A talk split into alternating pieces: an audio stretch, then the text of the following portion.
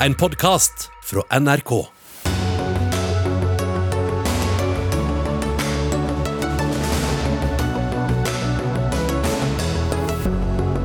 AstraZeneca-vaksinen er trygg og effektiv, mener det europeiske legemiddelverket. Det er en sammenheng mellom vaksinen og dødsfall i Norge, tror Rikshospitalet. Hva skjer med vaksinen nå? Sentralbanksjefen er bekymret for det norske boligmarkedet, varsler dyrere boliglån allerede neste år. Staten bruker altfor mye penger på eksterne konsulenter, ifølge Senterpartiet. Nå har konsulentene selv sett seg lei av måten de blir omtalt på. Og loven som skal gi pasienter behandling innen en viss tid, koster sykehusene dyrt. Nå slår Finnmarkssykehuset alarm. Vel møtt til Dagsnytt 18 med Sigrid Solund i studio. Om en halvtime holder Legemiddelverket og Folkehelseinstituttet pressekonferanse om AstraZeneca-vaksinen. Vi skal dit direkte, og også få høre mer om Rikshospitalets funn i saken, og også få helseministerens kommentarer om hva som skal skje videre. Men vi begynner med noe helt annet enn sykdom og smitte, for en gangs skyld.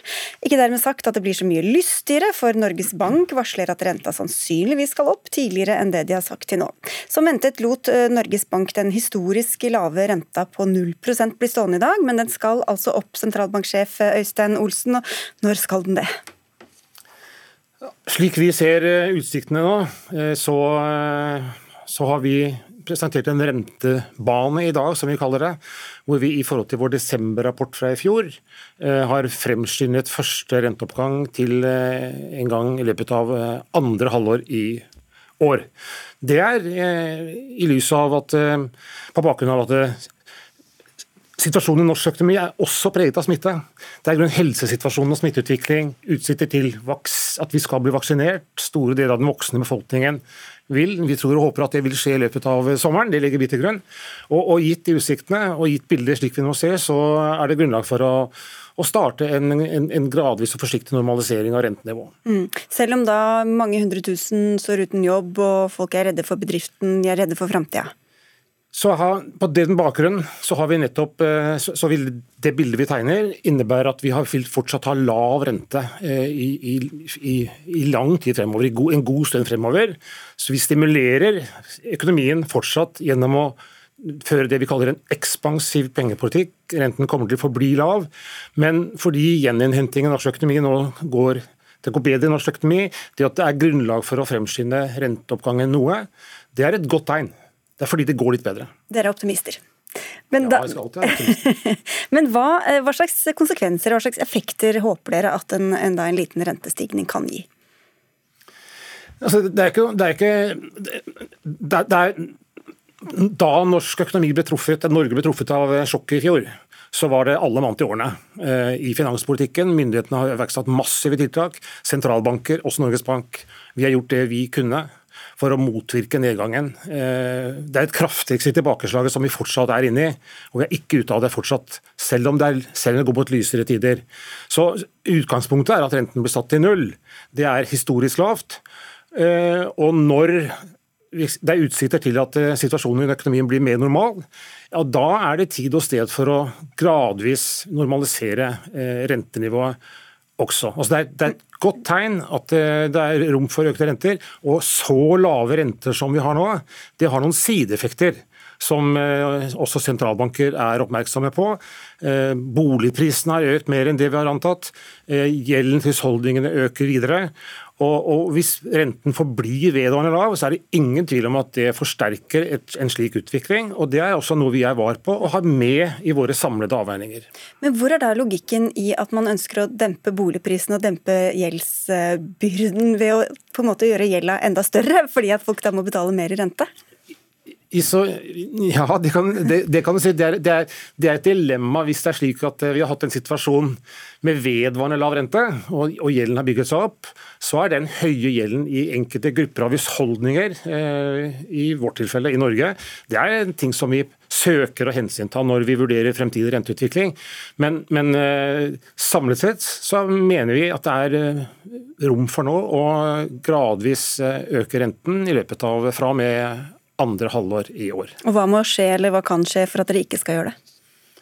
Da, det, skje, det, vil det, vil helt sikkert skje ting. Vi, vi, vi har såkalte rapporter om, som dette hvert kvartal, så neste gang er i juni. Eh, og, og det, er nok slik at det bildet vi tegner nå, vil sikkert endre seg noe eh, fremover. Eh, forhåpentligvis i positiv retning, og ikke motsatt. Vi krysser fingrene. Tusen takk skal du ha, sentralbanksjef Øystein Olsen, økonomikommentator i NRK Cecilie Langen Bekke. Vi var litt inne på det. Hva slags dilemmaer er det Norges Bank står overfor nå? Ja, jo, for det første så har vi denne gjennomgangsmelodien tror jeg, for 2021, nemlig at vi har en todeling av norsk økonomi. der hvor Veldig mye av næringslivet går jo veldig bra. De aller fleste av oss er jo tross alt i jobb. Og så har du denne delen av næringslivet som, som ikke går bra i det hele tatt. Vi får stadig vekk eh, nyheter om eh, hoteller som ligger med brukket rygg, hele reiselivsnæringen, transportnæringen. Så man har på en måte det dilemmaet de står i. Og så er det jo dette med boligmarkedet, som jo Øystein Olsen her peker på, eh, som har blitt fyrt kraftig opp av disse veldig lave rentene. Det er en uheldig bieffekt, der man risikerer at man bygger opp uh, veldig mye ubalanser. Det var også Finanstilsynets sjef uh, Baltzersen, han var inne på det uh, på NRK i, går. sånn at det har en del sånne uheldige sideeffekter. og da Å ha lav rente i så lang tid, det, det, det skaper noen problemer for økonomien, det også. Men at prisene da stiger under en sånn pandemi, da må jo noen ha veldig god råd, da? Ja, og det er jo akkurat det som er noe av problemet. Det er jo, De aller fleste av oss har jo fått veldig mye bedre råd. Vi har kjempelave renter på boliglånene våre. Vi reiser ikke og vi er ikke ute og spiser eller bruker noen ting på, på noe som på en måte er gøy. Det blir mye nettshopping da, for enkelte. Ja, men det er jo ikke det. Det drar jo liksom ikke på samme måte. sånn at Da blir det sånn at man, man kjøper seg kanskje større hus eller bedre hus eller, eller, eller sånn. Og så har du da denne andre gruppen eh, som har fått dårligere råd, som har mistet jobben sin, som, eh, som kanskje er på ledighetstrygd eh, nå. Og dette er jo den gruppen som hadde minst fra før av, stort sett. De lavtlønnede, de lavt utdannede. Så man får, eh, man får noen sånne skiller her, man får strekk i laget. Og det også ønsker nok, vil jeg tro, sentralbanken også å prøve med, med, kanskje da begynne å heve renten, at man prøver å hindre at disse forskjellene da bare fortsetter å øke. Og Hvor følsomt er, følsom er økonomien for sånne små justeringer som de varsler nå, da? Altså, for de aller fleste av oss sånn, eh, så, så, vil jo disse rentehevingene gå helt fint. Eh, vi skal I løpet av to-tre år så skal vi tilbake til det rentenivået vi var rett før pandemien. altså 1.3 i, i fjor så var renten på 1,5 Det er dit vi skal. De aller fleste av oss går til å ha boliglånsrente på 3% Det går helt fint. Men eh, for noen så er det noen som har makset. Kanskje man har vært med i en budrunde man har betalt mange hundre tusen over takst på, på en leilighet leilighet. Kanskje ikke det er så enkelt uh, allikevel, når man skal da begynne å betale dobbelt så mye på boliglånet sitt om bare noen år. Og så er jo Norge del av en internasjonal økonomi. Hva gjør de andre sentralbankene? Norge blir jo eh, da førstemann ut med å heve renten. Vi så i USA i går bl.a. Så, så beroliget eh, sentralbanksjefen der markedet med at han ikke skulle begynne å sette opp renten med det, med det første. Og Det også er jo noe Bank eh, Det, det er en del av hele bildet Norges Bank ser på. fordi, fordi man, man ønsker, ønsker, jo ikke å, å, fjerne seg helt fra de andre økonomiene som man sammenligner seg med, f.eks. USA og da eurosonen. Og så følger de også med på bl.a. vaksinesituasjonen, som vi skal komme tilbake til litt seinere i Dagsnytt 18. Takk skal dere ha, begge to.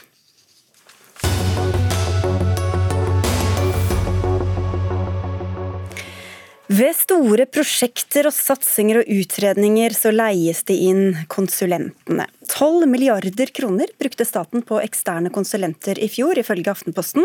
Senterpartiet mente dette var altfor mye. Og nå er eh, konsulentbransjen lei av å bli snakka ned av politikere, sier dere til Dagens Perspektiv, Nils Ola Vidme. Du er næringspolitisk direktør i konsulentfirmaet Abelia. Hva er det dere oppfatter som nedsettende i det Senterpartiet har sagt? Ja, jeg er først og fremst opptatt av at diskusjonen om eh, rådgiverbransjen skal være faktabasert. Og oss eh, er opptatt av å spre kunnskap om hva rådgiverbransjen er for noe. Eh, og hva de bidrar med i samfunnet. Hva slags rolle de spiller. Og Derfor har vi fått lagd en rapport sammen med analyseselskapet Menon, som sier noe om både størrelsen og vekstmulighetene i dette næringssegmentet. Eh, og eh, hva slags rolle de spiller for kundene sine. Noen av kundene er jo da staten, da, som bruker veldig mye penger på dette. og Hvorfor er det nødvendig, sånn som dere ser det? Ja, Det er jo først og fremst opp til staten å bestemme. Ja, vi har med oss staten etterpå, men du, du jo, skal jo synliggjøre hvorfor, dere, hvorfor det er behov for dere. da. Om, om det tallet er stort eller lite, men det vi ser det at dette går jo til eh, rådgivningstjenester innenfor eh, bygg og anlegg, samferdsel, og det går til digitalisering. De store beløpene går til det. Eh, og det er helt klart at eh, Staten må ha stor kompetanse på all kjernevirksomhet, men ingen kan kunne alt. Så staten har selvfølgelig behov for å bruke eksperter for å løse sine oppdrag. Og, Da kommer rådgiverbransjen inn og, og en medspiller når staten skal utvikle sin egen virksomhet. Og Hva er egentlig galt med det, Senterpartileder Trygve Slagsvold Vedum? 12 milliarder kroner det er en enormt stort beløp. så Det er det dobbelte av hva vi f.eks. bruker på Hæren i Norge som er en viktig del av vår sikkerhet. Så 12 milliarder kroner er enormt. Og Det er det vi ønsker å få ned. Selvfølgelig noe konsulentbruk vil det være. Men så stort som det har blitt nå, mener vi det er, er grunnleggende feil. Og så brukes også konsulentrapporter en del for å legitimere vanskelige beslutninger. F.eks. For, for å ta Forsvaret igjen, da når man skulle legge ned Andøya. Så valgte regjeringa å få en PwC-rapport, og så skjøv han det foran seg. at Det er samfunnsøkonomisk lønnsomt å legge ned Andøya. Men så vet alle som har drevet den type prosesser, at det er veldig mye politikk inni det. Så det har blitt en slags kultur på at en del vanskelige beslutninger, for å ta beslutninger, så bestiller en eller annen statsråd en rapport som måtte konkluderer at det og det er klokt, og så bruker man det i det offentlige ordskiftet etterpå som en slags faglig begrunnelse for egentlig en politisk beslutning. Og så er det et, et område som vi er veldig kritiske til, det er at staten leier inn mer og mer PR-tjenester, altså den type byråer som First of, Sync Det er de verste av alle rådgiverne? Ja, ja det, altså, det, er en, en, null merverdi for staten å bruke masse penger på, på, PR mot befolkningen og PR mot hverandre. Og Da er jo timesatsene f.eks. sånn eh, når eh, SSB leide inn Sync, så var timesatsen 2500 kroner timen. og Det er en ekstremt offentlig ressursbruk. å bruke da, for på det da, så bruker du 637 millioner kroner i året. og Vi i Senterpartiet ønsker å ha en nøktern bruk av offentlige penger, og her mener jeg en okay. ikke nøktern bruk av offentlige penger. Jeg er enig om at eh, offentlig pengebruk bør eh, være nøktern, eh, og at, at, man må bruke ressursene effektivt i offentlig sektor. Dette har du skrevet en rapport om? Eller? Og Om 12 milliarder er et riktig beløp, det har ikke jeg noe forutsetning for å ha en mening om. Men det som er viktig for oss, det er også spurt kundene i offentlig sektor hvorfor er de kjøper ekstern rådgivning. Eh, og nesten alle sier at de bruker rådgivningstjenester for å etablere et bedre beslutningsgrunnlag. Og Om det da er ansvarsfraskrivelse og ansvarspulverisering, eller om det er kvalitetssikring, ja det kan andre vurdere. Eh, men, men det er nettopp det det handler om. Altså, eh, ingen kan være eksperter på alt. Du er nødt til å bruke de fremste ekspertene i landet når du skal fatte viktige politiske avgjørelser. Eh, og det er det eh, veldig mye av denne pengebruken går til. Men Vedum, altså Du sier det skal ikke ned til null, men 12 milliarder er for mye. Hva er, hva er riktig nivå da? Det må være så lavt som overhodet mulig. Altså Vi kommer til å skru igjen pengekrana med en gang. Ja, men hvor da? Altså, hva, hva, slags rapporter er det dere ikke, hva slags konsulenter er det dere ikke vil ha, bortsett fra PR-bransjen, som du nevner. Men hvor, hva slags kunnskap er det man ikke trenger å kjøpe? Nei, men Vi ønsker også å bruke universitets- og høyskolesektoren eh, mye mer aktivt. Altså Vi bruker store midler på å bygge ut universitets, høyskoler, offentlige forskningsinstitusjoner rundt omkring i Norge. Skal de få oppdragene i stedet for private konsulentfirmaer? Er det det ja, det er Senterpartiet sitt mål. At vi kan bruke den offentlige pengebruken også til å bygge opp Da vil jo pengebruken være den samme, men går til offentlig sektor? Du får en helt annen timesats. Altså, det er jo helt ekstremt høye timesatser på en del av de prosjektene. Og det å bruke f.eks. også de juridiske miljøene da, på Universitetet i Oslo, Universitetet i Tromsø, Universitetet i Bergen, bruke NTNU, bruke de ulike fagmiljøene. At vi kan bruke de her store offentlige pengene, for det er store penger. altså det er, Hvis det er 12 milliarder, det er det vi bruker på den norske kirke, på barnevern, på flyruter til sammen. Så det er veldig veldig store beløp. Og hvis vi klarer å bruke mer av de For det første kutte. Og for det andre bruke en del av de beløpene innen at vi bruker universitets- og høyskolesektoren vår på en annen måte. Så kan vi bygge opp våre universiteter, våre høyskoler, våre forskningsinstitusjoner, og samtidig spare penger. Og det er en vinn-vinn-situasjon. Selvfølgelig ikke for konsulentbransjen, Nei, som han representerer, men, ja. men for staten er det det. Jeg, jeg, jeg tror ikke det er helt riktig det resonnementet. Hvis, hvis du skal flytta all ingeniørrådgivning i samferdselssektoren over på universitetene. Eh, det er opp mot halvparten av de 12 milliardene, eh, litt over 5 milliarder. Eller eh, de 5 milliardene som brukes på digitaliseringsprosjekter over på universitetene. Da må du ansette fryktelig mange professorer. Og jeg tror at man må ha med seg i denne diskusjonen at uansett om man sparer på konsulentbruk, så må du vurdere hvilken konsekvens det har for kunnskapstilførselen til offentlig forvaltning. Skal de digitalisere, så må de sørge for at digitaliseringen går bra. Og for å få det til, så må de samarbeide med de som vet hvordan de skal gjøre det. Jeg sa vi skulle få inn staten, det er deg. Det er kommunal- og moderniseringsminister Nikolai Astrup. 12 milliarder kroner på eksterne konsulenter. Hvordan kan dere være så sikre på at dette er vel anvendte penger? Jeg er helt enig i at vi må ha en nøktern eh, pengebruk, også når det gjelder konsulenter. og Vi har gitt eh, Direktoratet for forvaltning og økonomi et oppdrag i 2021 å se på nettopp eh, om vi skal lage noen retningslinjer for konsulentbruk i staten. Er 12 milliarder er det nøkternt, syns du? eller? Altså Det er eh, under 10% av det vi bruker på lønninger i staten. Eh, så kan du si er det mye eller lite. Vel, eh, det kommer litt an på. Poenget er at det er behovene som må styre. Hva slags kompetanse er det vi trenger for å kunne gjøre jobben vår på en god måte. Og Jeg er helt enig i at vi kan ikke ha alle statlige virksomheter kan ikke ha til enhver tid tilgjengelig kompetanse som de bare trenger av og til. For så har vi et digitaliseringsprosjekt i barnevernet. Barnevernet skal være eksperter på nettopp å ta vare på vanskeligstilte barn, barn som har utfordringer. Skal ikke være eksperter på digitalisering. Og Da er det fornuftig at man henter inn folk som er eksperter på det, for å gjøre et tidsavgrenset prosjekt. Men... På samme måte så er det jo et selvstendig poeng av og til at dette er eksterne konsulenter. Vi bruker jo eksterne til å kvalitetssikre f.eks. byggeprosjekter uh, innenfor vei, bane, store bygg. Ja. Uh, og Det er viktig for beslutningsprosessen men, men, i staten. Til det, Astrup, så var jo dette Vedum sa her, at det er en, en, maktoverføring og kanskje en maktpulverisering. Hvem er det som skal stilles til ansvar hvis regjeringa peker på nei, men det var det som sto, det var det de ble anbefalte fra konsulentfirmaet? Jeg mener at Det er veldig viktig at vi henter inn kunnskap. og Så er det selvfølgelig regjeringens ansvar hvordan man velger å bruke den kunnskapen. Men det Vedum i praksis sier, er jo at vi skal ikke hente inn kunnskap før vi tar viktige og store beslutninger for det norske samfunnet. og Det mener jeg er feil. Vi trenger kunnskapsbasert mm. politikk. Og så er jeg helt enig i at det å basere seg på at man har masse ledig kapasitet på alle universiteter og høyskoler, f.eks. innenfor ingeniørfag, det er utopi. Det er viktig å sette ting i perspektiv her. Altså, eh, regjeringens embetsverk totale embetsverket for hele regjeringen og alle departement koster ca. 6,5 milliarder kroner. Altså alle som jobber i departementene, som skal måtte hjelpe regjeringa å ta gode faglige beslutninger. Så vi bruker nesten dobbelt så mye på statlige konsulentkjøp som vi bruker på regjeringens arbeid. Og det som vi er veldig skeptiske til, er at man flytter makt ut fra departementer, fra regjeringen. Men det er jo regjeringen som tar beslutningene. Det skal jo gjennom Stortinget uansett. Jo, men så må vi også stole på de embetskvinnene, embetsmennene, som eh, er veldig kompetente i departementene. Og vi må også stole på de rådgiverne som er, som er ansatt der. Jo. I stedet for en utvikling altså, altså Problemet er at dette har gradvis økt over mm. tid. Det blir litt mer og mer konsulentbruk. Man leier inn mer og mer f.eks. på KOM, andre typer ting. Så, så, leier man inn mer og mer.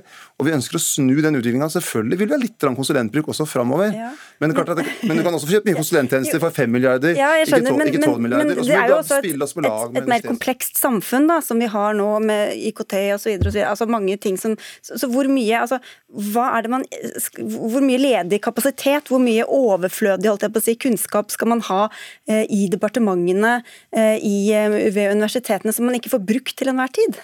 Da kan vi også tenke at vi vil eh, bygge opp mer kompetanse på store offentlige IT-prosjekter i staten sjøl. For det er ikke sånn at eh, man alltid må bygge opp kompetanse andre plasser til en mye høyere timepris. For det er jo noe av det som er problemet. F.eks. en sykepleier tjener 250 kroner timen. Skal vi leie inn en konsulent, så er det 2500 kroner timen.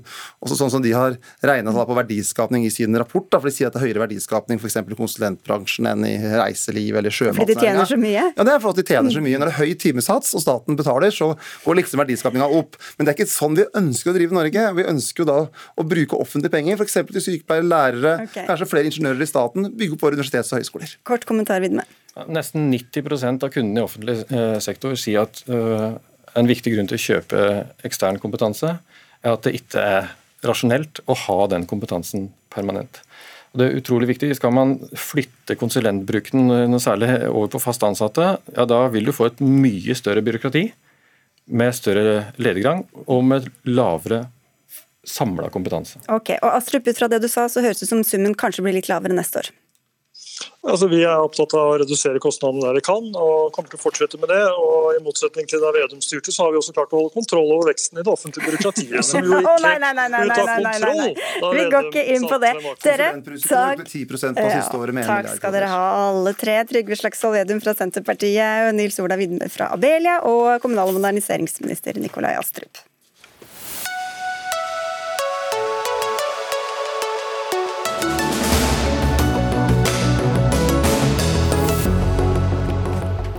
Forby kjøttreklame på TV, sånn som reklame for alkohol og tobakk er forbudt.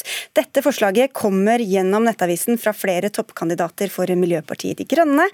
Deriblant deg, Ulrikke Torgersen, du er førstekandidat til stortingslista for Miljøpartiet De Grønne i Rogaland. Hvorfor bør det bli ulovlig å reklamere for kjøtt, mener du?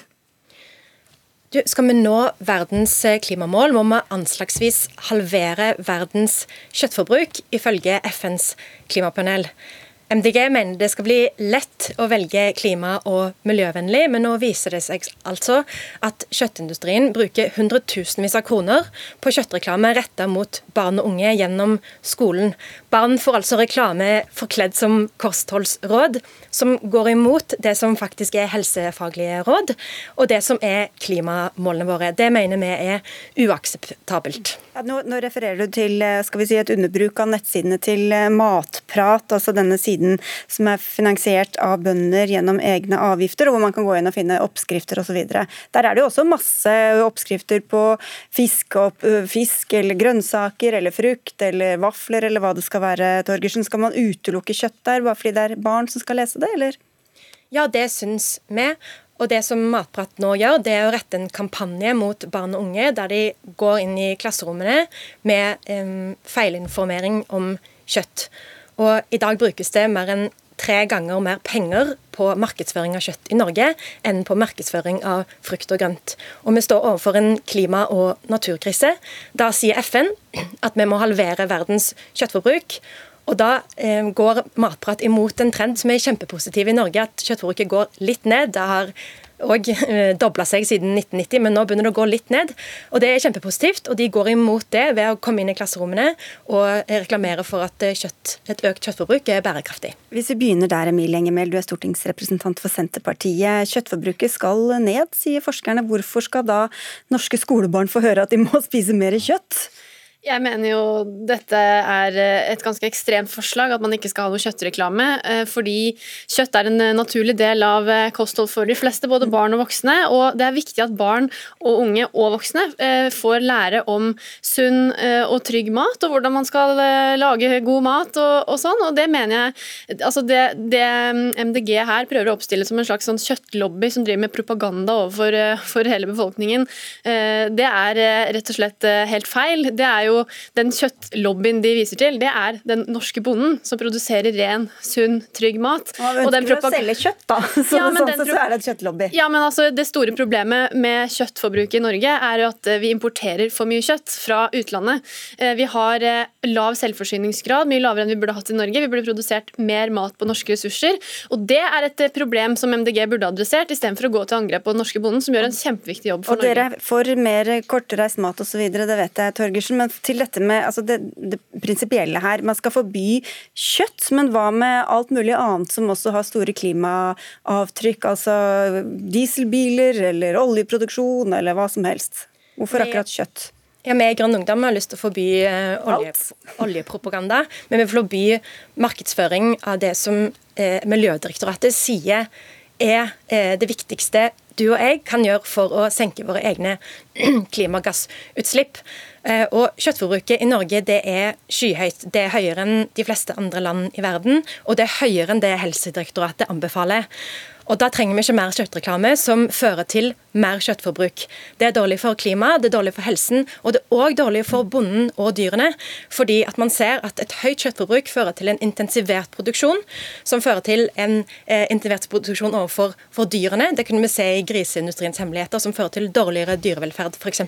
Og bonden òg trenger jo godt betalt for å produsere eh, norsk kjøtt, og kjøttet i dag er ikke eh, norsk, fordi vi importerer soya fra Brasil til å gi til dyr dyrene. og Det har eh, Sp bl.a. bidratt til gjennom Det er mange elementer her. Dere er uenige om hvor god dyrevelferd det er i Norge osv. Hvis vi prøver å holde oss litt til denne reklamebiten, Mehl. Det er ikke snakk om å forby grillpølser eller koteletter, men å forby reklame for det. Akkurat som man, man har ønsket å få ned tobakksforbruket, man har ønsket å få ned alkoholforbruket. Hvorfor er det så spinnvilt å sammenligne dette også når det da kommer til reklame? Jeg mener at det er helt absurd å sette kjøtt eh, i samme bås som eh, tobakk og sprit. Altså, Kjøtt er mat. Eh, kjøtt er noe vi må produsere i Norge for å bruke norske ressurser, gressressurser i, skog og fjell for å lage mat. Og mat er noe alle mennesker trenger, flere ganger i døgnet. Vi trenger, vi trenger norsk kjøttproduksjon, og det MDG driver med her, er en sånn svertekampanje som den norske bonden overhodet ikke fortjener. MDG burde heller snakke fram den norske bonden. Og, det, og det, det, er jo så mye dobbeltmoral her. For eksempel, eh, nå så kom det akkurat et nytt produkt eh, ut på markedet som var plantebasert kjøttdeig. Da er jo, da, da skal man, man skal ikke spise kjøttdeig, men man skal kalle det kjøttdeig, for det skal helst se ut og smake som kjøttdeig, men det skal være plantebasert. Er det eh, lov å reklamere for det, da, eller er det også en slags kjøttpropaganda? Det tror jeg er lov. Men du, for et par måneder siden så skrev din partifelle Per Olaf Lundteigen i Drammens Tidende tok til orde for å heller spise tre poteter og en kjøttkake enn motsatt, og mente at det ville øke kjøttprisen og redusere kjøttforbruket, noe som også kommer den norske bonden til gode. Ja, Da tror jeg nok at Per Olaf eh, helt sikkert mener at vi burde spise norske poteter og norske kjøttkaker eh, istedenfor f.eks. tysk importert eller importert fra Brasil. Og, men er det, det, unnskyld at jeg avbryter, men er det, det, er, er det, bra for den norske bonden om man spiser mest mulig kjøtt, eller er det bedre å prøve å liksom spise litt mindre og heller få en, en høyere pris på det kjøttet man spiser? Av, det er bra for den norske bonden at uh, folk i Norge har et variert kosthold som består av uh, kjøtt for de som har lyst på det, uh, egg, melk, grønnsaker.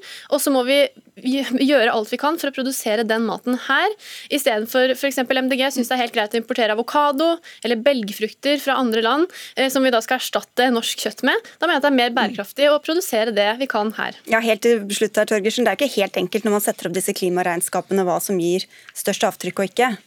Jo, eh, Miljødirektoratet er helt tydelig på at kjøttkutt er det mest effektive du og jeg kan gjøre for klimaet. Og Helsedirektoratet anbefaler kjøttkutt, FN anbefaler kjøttkutt, Miljødirektoratet anbefaler kjøttkutt. Og vi mener vi må drive lobbyvirksomhet for det motsatte og kaste all forskning på bålet. ok, Fikk jeg bare et høyt sukk fra studio her. Bare si at Matprat også ble invitert, men de ønsket ikke å være med i denne debatten. Men takk skal dere ha for at dere var med, Ulrikke Torgersen fra MDG og Emilie Enger Mehl fra Senterpartiet.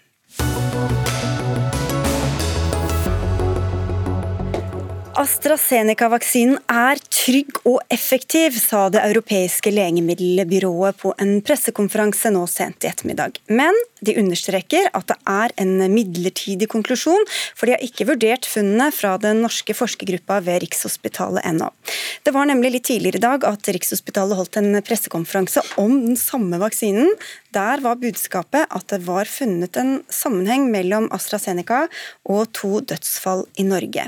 Snart skal vi til en annen pressekonferanse, det er mange av dem i dag, fra Legemiddelverket og Folkehelseinstituttet, også den om AstraZeneca. Men først til den du holdt, Pål André Holme. Du er professor og forsker ved Oslo universitetssykehus, og leder teamet som altså har kartlagt om de mistenkte bivirkningene har en sammenheng med den nevnte vaksinen. Og hva har dere egentlig funnet ut om disse helsearbeiderne som ble alvorlig syke, og hvor to av dem døde? Jo, det vi har funnet ut, det er at vi har undersøkt deres blod, og vi har funnet at de har eh, bestanddeler i blodet sitt, eh, en antistoffer, som kan eh, aktivere blodplatene og gi et bilde altså, som disse pasientene fremstår med, altså som, er, som, gir en blodpropp og som gir lave blodplater fordi de har disse antistoffene på overflaten. Og Det er den mistanken eller den Eh, hypotesen vi hadde når vi så disse allerede fra helgen av. Eh, og Da har vi da hatt et utstrakt samarbeid på hele OS, og også med Tromsø, som da har vi greid å påvise disse antistoffene. Og Det er en forklaringsmodell til det kliniske bildet som vi ser hos disse pasientene, i tråd med vår hypotese. Og de antistoffene de kommer fra denne vaksinen? Ja, det skal jeg være forsiktig med å, å, konkludere med. Men det er klart at jeg ser at dette her er personer som ikke har hatt andre utløsende avgift som kan tenkes å, at den skal gi en slik situasjon. Nei. Men hva, hva er det ved disse altså, sykdomsbildet eller helsen til disse menneskene som får denne responsen? Som gjør at noen reagerer og andre ikke? Ja, det skulle jeg ønske jeg kunne fortelle deg. og Det er jo det, derfor vi nå har kjørt i i gang et svært apparat for å se om det er noen utløsende årsaker som gjør sitt til at noen mennesker får disse veldig alvorlige bivirkningene, og andre går helt fri. Men det er et nitidig og stort arbeid som involverer et kjempeapparat fremover. Så det kan nok ta litt tid før vi får noen eh, endelige svar der. Så ingen likhetstrekk dere har funnet så langt? Nei. Nei. Men de som da har tatt denne vaksinen, kan de um, Hvor lang tid går det før de vet at de er trygge? Ja, Det vet vi heller ikke, dessverre. Det vi har sett, er at de tilfellene som vi har behandlet hos på OS, det er eh, at de har alt fra tre dager etter vaksinering og opp til eh, i hvert fall 14 dager, så har vi sett at de har fått disse alvorlige symptomene. Hva skal de se etter, de som kanskje nå blir ganske nervøse? Nei, det er først og fremst hvis de har uttalt sykdomsfølelse, eh, hvis de har uttalte smerter, eh, hvis de får blåmerker. eh, Og så bør de få en sjekk hos sin lege og få fulgt opp dette videre. Og i hvert fall fått målt blodplater etc. Mm. Da skal vi, vi, dere skal bli sittende, vi har Bent Høie her også, men vi skal da til denne pressekonferansen som eh, Folkehelseinstituttet holder sammen med Det norske legemiddelverket. Vi skal straks få høre direktør i Folkehelseinstituttet, Camilla Stoltenberg, som skal fortelle mer om vaksinen. utelukke at disse tilfellene kan ha en sammenheng med AstraZeneca-vaksinen. Vi har nå fått meldt om totalt fem pasienter som har fått kombinasjonen av blodpropp, blødning og et lavt antall blodplater. Disse har blitt innlagt på sykehus, og en av dem er dessverre død. I tillegg er det meldt om en pasient fra Tynset som også dessverre døde av en tilstand med lavt antall blodplater og hjerneblødning. Det har blitt vaksinert ca. 120 000 personer med AstraZeneca-vaksinen. Disse har alle fått én dose. Vi har altså mottatt rapport om seks tilfeller med dette spesielle sykdomsbildet. Det norske kliniske fagmiljøet mener disse tilfellene skyldes at pasienten får en kraftig immunrespons av vaksinen. Folkehelseinstituttet og Legemiddelverket samarbeider nært med miljøene for å forstå mer om disse tilfellene. Så er det viktig å påpeke at disse sjeldne, men svært alvorlige tilfellene de skiller seg fra vanlig blodpropp. I Norge har vi oppdaget flere slike spesielle tilfeller, sett i forhold til antall som er vaksinert i Norge, enn i noen av de andre europeiske landene. Vi vet ikke riktig årsaken til dette, men vi ser nå at flere land melder om slike tilfeller også. Fortsatt overvåkning av AstraZeneca-vaksinen er derfor svært viktig, og nå er alles oppmerksomhet rettet mot disse tilstandene. Sikkerhetskomiteen til Det europeiske legemiddelkontoret, der vi også er representert, har i dag vurdert disse sjeldne og svært alvorlige hendelsene.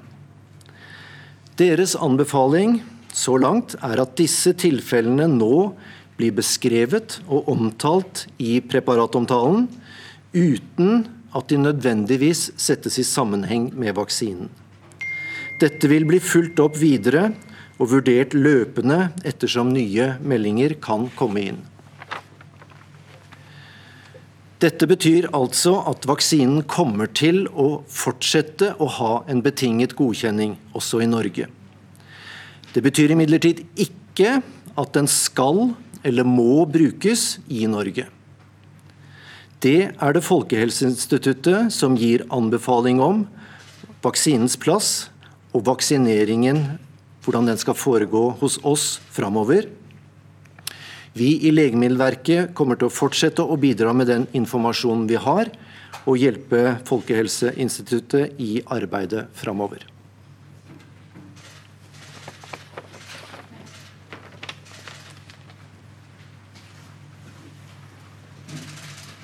Nå skal vi høre Camilla Stoltenberg i Folkehelseinstituttet. Vaksiner er en viktig del av løsningen, eh, veien ut av pandemien. Samtidig er det viktig å ha tillit til vaksiner og vaksinasjonsprogrammer. Derfor mener Folkehelseinstituttet at det også er viktig å ta pause når vi får varsel om alvorlige hendelser som rammer vaksinerte, og der det kan være mulige årsakssammenhenger mellom hendelsene og vaksinasjon. Torsdag 11. mars besluttet Folkehelseinstituttet å ta pause i vaksinering med AstraZeneca-vaksinen. Folkehelseinstituttet mener at beslutningen om å sette vaksinasjonsprogrammet på pause var og fortsatt er riktig. Vi vurderer grundig nå om det er en årsakssammenheng mellom vaksinasjon og en sjelden tilstand med lavt antall blodplater, blodpropper og blødninger hos personer som har fått vaksinen. Sikkerhetskomiteen ved Det europeiske legemiddelverket, EMA, har i dag gått gjennom de meldte hendelsene. De opprettholder fortsatt markedsføringstillatelse for AstraZeneca-vaksinen, men oppdaterer forsiktighetsreglene i preparatomtalen. Det norske legemiddelverket er ansvarlig for markedsføringstillatelse av vaksiner, mens det er opp til Folkehelseinstituttet å vurdere hvilke vaksiner som skal brukes i koronavaksinasjonsprogrammet i Norge, og hvordan de skal brukes. Det gjelder også bruken av AstraZeneca-vaksinen. Det europeiske legemiddelverket EMA kom altså i ettermiddag med sin vurdering av AstraZeneca-vaksinen. Vi tar den til etterretning og vil videreføre våre undersøkelser og vurdere denne vaksinens plass i koronavaksinasjonsprogrammet. Vi tar sikte på å komme med en vurdering i slutten av neste uke. EMA vil også fortsette sine undersøkelser. Vi mener at det foreløpig er for tidlig å konkludere. Folkehelseinstituttet eh, har derfor som plan nå å videreføre alle de undersøkelsene som er igangsatt. Det er samarbeid med kliniske fagmiljøer, altså legespesialister i Norge, det er eh, samarbeid internasjonalt. Og eh, vi forfølger både spor knyttet til de kliniske undersøkelsene, men også spørsmål om hvor vaksinen er produsert, hvilke batcher det dreier seg om, og også helseregisterdata som vi benytter i våre undersøkelser. Vi ber nå alle som er vaksinert med AstraZeneca-vaksinen, og som har vedvarende sykdomsfølelse, uvanlige blåmerker eller tegn til blødninger i huden eller andre tegn på alvorlig sykdom, om å kontakte helsetjenesten for en vurdering. Pasientene med alvorlige blodpropper, blødninger og lave blodplater har fått symptomer innen 14 dager etter vaksinasjonen. Vi behandler meldinger om mistenkte bivirkninger etter vaksinasjon fra helsepersonell, og får bistand av de regionale legemiddelinformasjonssentrene, RELIS, til å behandle disse meldingene etter koronavaksinasjonen. Legemiddelverket saksbehandler meldinger fra privatpersoner som meldes via helsenorge.no. Vi prioriterer meldinger som omhandler blodpropp og blødninger, og så snart de er ferdigstilt, videresendes disse til det europeiske legemiddelverket EMA. Norge har klart å håndtere et stort antall bivirkningsmeldinger og videresendt disse til EMA på kort tid. Det er viktig at slike hendelser meldes for at vi skal ha et best mulig grunnlag for de videre undersøkelsene. Helsepersonell kan rapportere mistenkte bivirkninger via melde.no. Vaksinasjon med AstraZeneca-vaksinen vil fortsatt være på pause inntil vi har et mer fullstendig bilde av situasjonen. Samlet vil vi få et grunnlag for å gi videre anbefalinger rundt vaksinasjon. Takk. Det var Camilla Stoltenberg. Vi hørte også direktøren for Legemiddelverket, Audun Hågå. Nå har vi med oss medisinsk fagdirektør ved Statens legemiddelverk, det er deg, Steinar Madsen. Hva tror du nå er det en mellom, altså en årsakssammenheng mellom vaksinen og disse alvorlige bivirkningene? Ja, Det bivirkningskomiteen under EMA har sagt i dag, er at det er en mulig sammenheng. De har ikke gått så langt til å si at det direkte er en sammenheng, men det kommer en advarsel i bruksanvisningen, altså preparatomtalen, for denne vaksinen. Og Hva sier dere da? Ja, vi, vi har jo gjort mange undersøkelser i Norge. Og våre resultater ble lagt frem for bivirkningskomiteen. Eh, men eh, vi ville nok gjerne at de skulle gått litt lengre i å slå fast at det er en mulig sammenheng mellom vaksinen og disse alvorlige hendelsene vi dessverre har hatt i Norge. Men så sier EMA i dag at de ikke har vurdert funnene som vi nettopp fikk høre om fra forskergruppa på Rikshospitalet. Tror du det kunne hatt noe å si på hvordan de landet? Det kunne muligens hatt en betydning. Men det blir jo nå veldig viktig for oss fra Norge å formidle disse resultatene til det europeiske systemet, slik at de også blir tatt med i fremtidige vurderinger. For nå vil jo disse vaksinene bli veldig nøye overvåket. Og hvis det kommer flere tilfeller, hvilket vi selvfølgelig ikke håper, så kan jo bildet forandre seg i fremtiden. Og det skjer raskt, eller at dette oversendes? Ja, eh, vi oversender data så raskt som mulig til EMA, slik at det kan ta, bli tatt i betraktning. Hva slags risiko er egentlig akseptabel når det gjelder vaksiner i en sånn situasjon som vi står i nå? Det er jo på en måte det store etiske spørsmålet, nemlig sikkerheten til enkeltpasienter versus nytten for samfunnet. Eller nytten for den store gruppen. Og Det er jo alltid problemet med alle legemidler, alle vaksiner. At de fleste har god nytte av vaksinen, får ingen bivirkninger, men noen blir veldig hardt rammet av bivirkninger.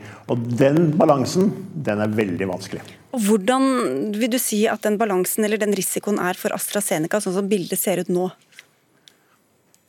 Totalt sett så sier jo EMA at nytten er større enn risikoen.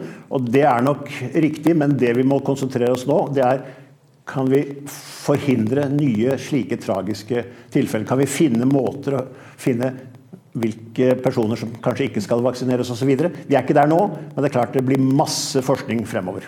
Det er mange som har sammenlignet faren ved denne vaksinen med andre vanlige legemidler, f.eks. p-piller, som også kan gi blodpropp. Nå er bildet her litt mer sammensatt, da, men bare for å skjønne noe av tallene her, hvor, hvor stor ser denne risikoen ut som det ser ut nå, til å være f.eks. med noe så vanlig som p-piller? Ja, Risikoen for å få en blodpropp av p-piller er jo mye høyere enn det vi har sett her. Men på den annen side så er eh, heldigvis blodpropper med p-piller lettere å behandle og vanligvis langt mindre alvorlig enn det vi har sett her. Her har det vært ca. 1 av 20 000, så vi vet at det er sjelden. Eh, men eh, vi er jo bekymret for at, at dette allikevel vil skremme folk fra å la seg vaksinere. Og så, så, det er klart at dette skulle vi veldig veldig gjerne unngått. Mm. Da skal vi tilbake til, eh, til pressekonferansen eh, og høre litt mer om, dette, om AstraZeneca-vaksinen. Takk skal du ha, Steinar Madsen. Ja, vi har med oss eh, Geir Bukkholm, som er smitteverndirektør. og Det er for tidlig for dere å konkludere om denne vaksinen er, skal få grønt lys eller ikke. Hva er det som gjør at dere mener at det er for tidlig? Ja, for det første så vil jeg jo si at eh, dette er veldig alvorlige hendelser som er rapportert etter vaksinasjon, og det tar vi, det tar vi selvfølgelig veldig alvorlig. Og så er det gjort en grundig utredning fra bl.a. miljøet ved Oslo universitetssykehus for å finne mekanismer, og vi tenker at det er, gode forklaringer på, på, hvorfor disse hendelsene har oppstått. Samtidig så trenger vi flere data og flere undersøkelser for å være helt sikker på, på sammenhengen. Og vi trenger også vite litt mer om, om det det er spesielle ting som kan utløse dette hos spesielle grupper av befolkningen. Og I dag så fikk vi vite at det norske forskergrunnlaget fra OUS ikke var med i EMAs eh, e eh, vurdering. Er det noe dere vil eh, pushe på for at de skal vurdere før dere tar en beslutning? Ja, Det er viktig for oss at dette blir tatt med i vurderingen i de internasjonale foraene, og spesielt hos det europeiske legemiddelverket. Eh, så det, og det er jo også sånn at EMA vil fortsette sin utredning. Det skal være flere møter fremover, og vi tenker at det vil komme mer opplysninger etter hvert også til EMA. Hva skal til for at Norge eh, gir grønt lys? Da må vi være sikre på at for det første at det ikke er noen årsakssammenheng, og noen årsakssammenheng som, som, gir oss en veldig økt risiko i forhold til de gruppene man eventuelt skulle velge å bruke denne vaksinen overfor. Hva tenker du om AstraZeneca-vaksinen akkurat nå? Ligger der med brukket rygg og på sotteseng? I utgangspunktet er jo dette en vaksine med god effekt. Eh, men vi tenker jo at eh, i den norske situasjonen så har vi mange muligheter til også å kunne gjennomføre vaksinasjonsprogrammet uten denne vaksinen. Så for oss er det viktig nå å se på tryggheten rundt dette. Takk skal du ha, Geir Bokkom, smittevernsdirektør. Det er over 120 000 som har fått AstraZeneca-vaksinen i Norge, og det er i underkant av ti tilfeller med bivirkninger. Takk skal du ha, reporter Ali Iqbal Tahir. Helse- og omsorgsminister Bent Høie, nå skal Folkehelseinstituttet se på saken. Hva blir det viktig for både for dem og for regjeringa å, å følge med på nå for å vite om man skal fortsette med AstraZeneca eller ikke? Det første er jo å finne mer ut om sammenhengen, og om det er mulig å forklare nettopp hva er, hva er årsaken her. For Det kan jo f.eks. kunne gi oss svar på eh, ikke om en skal bruke AstraZeneca-vaksinen, men f.eks. hvem som skal bruke AstraZeneca-vaksinen.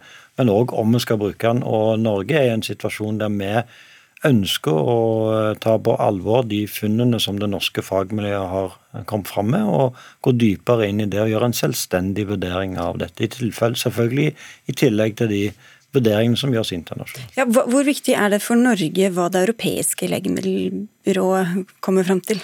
Ja, Det er jo viktig, for det er på en måte der godkjenningen ligger. Men det er ikke sånn at det er en automatikk at fordi om dette, dette et legemiddel godkjennes i Europa, at vi tar det i bruk i Norge. Det er nasjonale helsemyndigheter i Norge, i denne sammenheng FHI, som bestemmer hvilke vaksiner som skal brukes i Norge, og hvilke råd en skal gi til hvem som skal ta hvilke vaksiner. Men så er det i Norge òg frivillig å vaksinere seg, så helt til slutt så er det jo hver enkelt av oss som må ta den avveiningen. Hvor stor skade får det for det planlagte vaksineløpet i Norge hvis vi nå kutter ut AstraZeneca? Ja, heldigvis har Norge gjennom EU-fellesskapet avtaler om mange ulike typer vaksiner. og Pga. at AstraZeneca har meldt inn ganske store leveranseproblemer, så vil ikke det ha veldig avgjørende betydning for eh, det norske vaksinasjonsprogrammet. Og de som har tatt én dose med AstraZeneca, kan de ta eh, en annen dose med en annen vaksine og fortsatt være fullvaksinert? Eh, det er et av de spørsmålene som òg nå skal vurderes videre. Både spørsmålet om AstraZeneca-vaksinen skal brukes til andre dose, og eventuelt om man skal bruke andre vaksiner til andre dose. Vi har jo snakket mye om forholdet til Europa når det gjelder denne vaksinesamarbeidet. Hva har vært reaksjonene fra Storbritannia om eh, denne nå litt negative holdningen til AstraZeneca? Jeg har ikke eh, rukket å sett noen reaksjoner fra Storbritannia, men Storbritannia er jo et eh, land som har brukt denne vaksinen i et større omfang enn det vi har, vi har og lengre. De har gode systemer for overvåking, de gjør gode faglige vurderinger.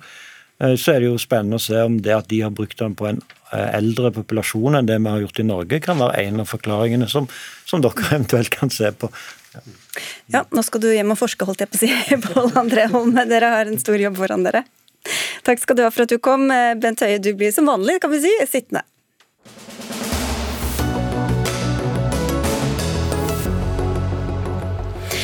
Ja, Vi skal til andre helsenyheter. Blir du henvist til en kneoperasjon f.eks., og sykehuset ikke har mulighet til å operere deg innen en eh, viss tid, så får du tilbud om operasjon et annet sted. Denne ordningen gjelder mange diagnoser og kalles fristbruddordningen, en ordning som ble innført i 2004.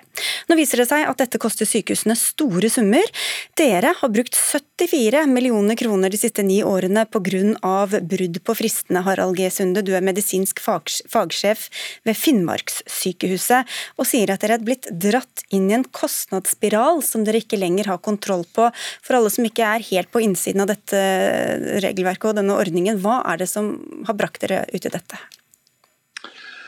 Nei, for det første så syns jeg at det er helt fint at vi har denne fristbruddordningen. Eh, og at pasientene da kan få et tilbud eh, hvis ikke vi i Finnmarkssykehuset klarer å yte den tjenesten selv. Eh, og Det er helt greit også helt legitimt at, eh, at vi får regninga for dette. Men eh, det som da er problemet vårt, er, og dette gjelder særlig innenfor psykiatri, psykisk helsevern og rus, fordi at Der har det en tendens til å bli veldig mange kontroller, veldig mange oppfølginger fra de private som kommer inn. Og Vi i Finnmarkssykehuset vi har ingen eh, innsyn i det, den behandlingen som gis. Vi har ingen samarbeid med de private utøverne. Og Når de, disse avtalene inngås av Helfo, så er det ingen øvre kontroll, ingen begrensning i volum eller tid eller kroner. Sånn at vi må sitte og betale år inn og år ut i store summer uten at vi har noen som helst innsyn, og vi har ingen mulighet til å påvirke det vi betaler for. Vi må ta ned egen aktivitet eh, og gi et dårligere tilbud til pasientene som følge av at vi må betale til de private. Ja, Helfo er altså etaten som samordner dette, men eh, dere kunne jo sluppet alt det her hvis dere holdt fristene, da? Ja, og det er lett å si, men eh, det er ikke alltid så lett å følge opp. Eh, I Finnmarkssykehuset så eh, er nok ikke vi de mest rekrutteringssterke i landet. Vi jobber selvfølgelig aktivt med rekruttering, og vi skal jo nå se også på både tjenestetilbudet vi har, og hvordan dette er organisert, om det er organisert på en optimal måte. Men vi har også ansatte som blir syke, vi har også ansatte som blir gravide og går ut i permisjoner. og Vi sliter også av og til med ubesatte stillinger. og Da har vi sett at vi fra tid til annen dessverre får eh, disse fristbruddene. og Da, da er eh, ulykka ute, for å si det sånn. Helseminister Bent Høie, de er kommet seg inn i en kostnadsspiral som ikke de egentlig har noen mulighet til å komme seg ut av, for da er det ikke de som har kontroll over den lenger. Hvordan skal de komme seg ut av den? Nei, Det er jo eh, å gjøre eh, det som jeg forstår også at de er opptatt av, nemlig å unngå fristbrudd. og Det er jo noe av hensikten med den ordningen. Det er jo todelt. Det ene er jo det viktigste, det er jo at vi som pasienter faktisk får behandling innenfor den tiden som er medisinsk fastsatt. og den tidsfristen er jo satt av sykehusene sjøl, fordi jeg mener at det er medisinsk forsvarlig å gi eh, behandling innen den tiden. Og det andre Grunnen er jo rett og slett også at det skal være eh, riktig for sykehusene å prioritere å gi da, behandlingen innenfor den eh, tiden. Men når det ikke finnes leger de klarer å rekruttere, f.eks., hvis det ikke er sykehusets feil at de ikke klarer å holde disse fristene, hvorfor skal da det som til syvende og sist også går utover pasientene, at man får en rekke kostnader som man ikke klarer å styre? Nei, det ville jo gått utover pasientene hvis vi ikke hadde hatt denne ordningen. Da hadde jo pasientene i Finnmark måttet vente lengre enn det som en egentlig i utgangspunktet regnet som medisinsk faglig riktig, fordi sykehuset f.eks. hadde rekrutteringsproblemer. Jeg mener at det ikke skal gå ut over pasienten. Og Så kan det godt tenkes at vi skal gjøre forbedringer i de avtalene som Helfo inngår. De aller fleste som får behandling hos en privat institusjon eh, i regi av det offentlige, gjør det jo eh, gjennom de avtalene som sykehusene selv har inngått med private. Så det kan godt tenkes at eh, de avtalene som Helfo inngår, bør ligne mer på den type avtaler, og at de kan forbedres. Ja, Sunde, du var litt inne på det. En pasient som egentlig skulle fått behandling hos dere, men som dere ikke klarer å ikke har kapasitet til å, å behandle. Hva, hva vet dere om den pasienten da, når den blir henvist til noen andre? Nei, det, Vi vet egentlig ingenting. Eh, og For så vidt er det legitimt at ikke vi skal ha direkte innsyn i journaler osv. Det syns jeg er helt greit. Men uh, vi hadde gjerne sett at det allerede fra dag én var en plan for tilbakeføring av de pasientene til oss, sånn at ikke de private ble sittende og kontrollere og følge opp disse pasientene år inn og år ut. Og Det er jo det vi ser. Vi ser at uh, gjennomsnitt behandlings antall, altså antallet konsultasjoner når en pasient blir henvist til psykisk helsevern, ligger det på en 10-14 konsultasjoner, mens de private har en tendens til å ha både 30, 40 og 50 konsultasjoner i snitt for de samme pasientene. Så her er det altså en eh, betydelig mulighet for å kunne eh, håve inn penger for de private, og det er vi som i det offentlige som må betale dem. Ja, også er det utrolig viktig at pasienten har et ord med i laget på akkurat det spørsmålet. For det at pasientene vil jo gjerne ofte da måtte kunne bestemme hvis de ønsker da videre oppfølging på den institusjonen som de faktisk har fått behandling. Eh, så er det viktig at pasienten eh, har et ord med i laget på det. det jo... Men Hva tror du forklarer da de store forskjellene på hvor mange timer man får i det offentlige og i det private? Det er vanskelig å si, for det, mange pasienter mener jo at det offentlige gir for lite oppfølging, eh, har for kort behandlingstid. Eh, så det er òg et signal for pasientene. Så alle burde håpe å, å bli overført til noen andre, da? Men så, også er det òg selvfølgelig store individuelle forskjeller mellom pasienter. Så noen trenger òg lengre oppfølgingstid. Og så kan det godt tenkes at noen eh, behandler pasienter lenger enn det som er faglig riktig, og da er det viktig at tilsynsmyndighetene våre følger med på det. Kjersti Toppe, du er første nestleder i helse- og omsorgskomiteen på Stortinget og representerer Senterpartiet. og Du sier til Dagens Medisin at denne fristbruddordningen har utspilt sin rolle. Hvorfor har den det? Og De konsekvensene en ser i Finnmark er jo dramatiske. Eh, og Når du har en ordning som skal være for pasientene, eh, men som eh, der konsekvensen er at det hindrer sykehuset å lage gode pasienttilbud, det hindrer rekruttering og det setter sykehus i en enorm skvis, så er det jo ikke en ordning som er til pasientens beste. Derfor så mener jeg at hele ordningen ja, har utspilt sin rolle når den har eh, sånne konsekvenser, iallfall i en del av eh, landet. Og det er jo også slik at En har ikke kontroll på hva de private da får. Eh, altså Både omfang og pris har en ikke kontroll på. Og Det blir en ganske ja, veldig, veldig absurd situasjon, egentlig. Og vi må jo tenke igjennom om dette er den rette måten å styre helsevesenet på, der en markedstenkning er så sterkt eh, inne at en på en måte driver sykehus på samme måte som, som butikker, der en får en straff hvis en ikke leverer produktet eh, når en skal. Så må, jeg mener vi må se på andre måter å sikre pasientrettighetene på enn det som dagens fristbruddordning eh, tilbyr. Ja, når du ser konsekvensen høye, hvorfor er det hensiktsmessig å ha ordningen på den måten? Ja, fordi at Dette er utrolig viktig for den enkelte pasient. og Ikke minst så ser vi også at når eh, jeg som helseminister innførte at sykehusene selv fikk plikt til å melde ifra til Helfo når de hadde fristbrudd, at ikke dette var noe pasienten selv måtte finne ut av, så førte det til at flere pasienter fikk hjelp. Men det har også ført til at antall fristbrudd har gått ned eh, før pandemien rammer oss. Men så, ser du de uheldige konsekvensene ja, her også? Av, alle ordninger kan forbedres, men de grunnleggende prinsippene som her Senterpartiet tar til motmæle mot, det er jeg helt uenig i. og Det viser jo igjen at eh, Senterpartiet er mer opptatt av systemet enn den enkelte pasient. Eh, dette er ikke noen markedsordning, dette er en ordning der prisen er bestemt eh, enten gjennom anbud eller av det offentlige. og det er det offentlige dette er en del av den offentlig finansierte helsetjenesten, men det er en viktig pasientrettighet.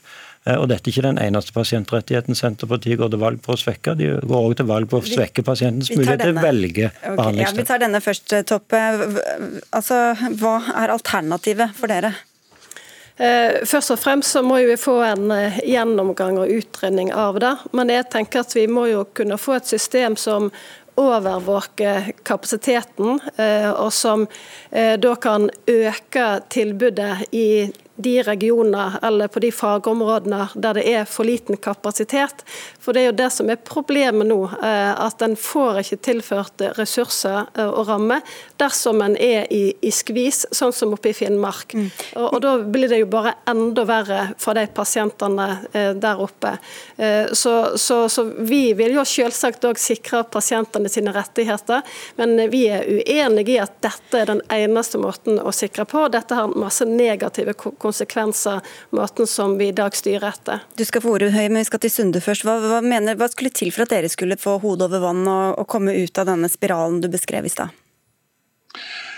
Jeg tenker at Det må være en plan i det pasientene blir henvist til de private. At det må allerede fra dag én være en plan for at vi skal få pasientene tilbake eh, til oss, slik at det er samarbeid mellom de private og, eh, og den offentlige helsetjenesten. Da må jo vedkommende pasient skifte behandler kanskje midt i en behandling f.eks. Hvordan er det heldig? Ja, nei, Det er ikke det optimale, men det har jo skjedd mange ganger i, i verdenshistorien og kommer til å skje mange ganger igjen. sånn at Det skal vi nok uh, leve med.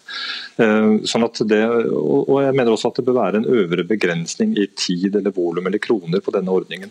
Men det som i hvert fall er viktig, Nå er ikke, nå er ikke jeg noen helsepolitiker, men jeg har lyst til likevel å nevne for uh, Høie at vi får jo en gang i året får vi et oppdragsdokument fra regjeringen via Helse Nord. Og En av de momentene som har stått i oppdragsdokumentet år inn og år ut, er at vi skal ta ned unødvendig variasjon. Mm. Og vi ser Denne ordningen her, den skaper en voldsom variasjon. Da er det noen få som er i fristbruddordningen som får 30-40-50 konsultasjoner, det... mens de som er i det offentlige får langt mindre. og Vi må legge ned aktiviteter som følge av det. Dette her øker variasjonen. Vi må veldig kort høye, fordi Det er jo umulig å planlegge for de andre ikke hvor lange utgiftene er. Helfo sier at det er ikke lagt opp til noe samarbeid. Kan det bli mer åpenhet og mer planlegging? Det kan gjerne bli det, men jeg vil understreke at det må òg være på pasientens eh, premisser. Ok, Vi fikk akkurat inn en melding her, eller NRK har jobbet med en eh, sak om at eh, Erna Solberg, statsministerens ektemann, Sindre Finnes, feiret Erna Solbergs 60-årsdag på en restaurant på Geilo i vinterferien. De var flere enn ti mennesker rundt bordet. Det bekrefter statsministerens kontor til NRK, og VG skriver også om dette nå. De bekrefter også at dette var et brudd på smittevernreglene. Bordet var bestilt lang tid på forhånd, sier Finnes. Rett i forkant avlyste Erna Solberg sin egen deltakelse på feiringen. Finnes sier at han trodde selskapet var i orden, siden de spiste ute på en restaurant. Det blir mer om dette på Dagsrevyen. Nå fikk vi inn dette helt på tampen, så da slapp du å kommentere. Men det kan hende du må svare på dette senere. Takk skal du ha for at du kom. Takk til, eh, til Kjersti Toppe og Harald G. Sunde. Dagsnytt 18 er over over for eh, denne gang. Ansvarlig for sendinga var Anne Katrine Førli. Teknisk ansvarlig Marianne Myrhol. Mitt navn er Sigrid Solund, og vi ses og høres igjen i morgen.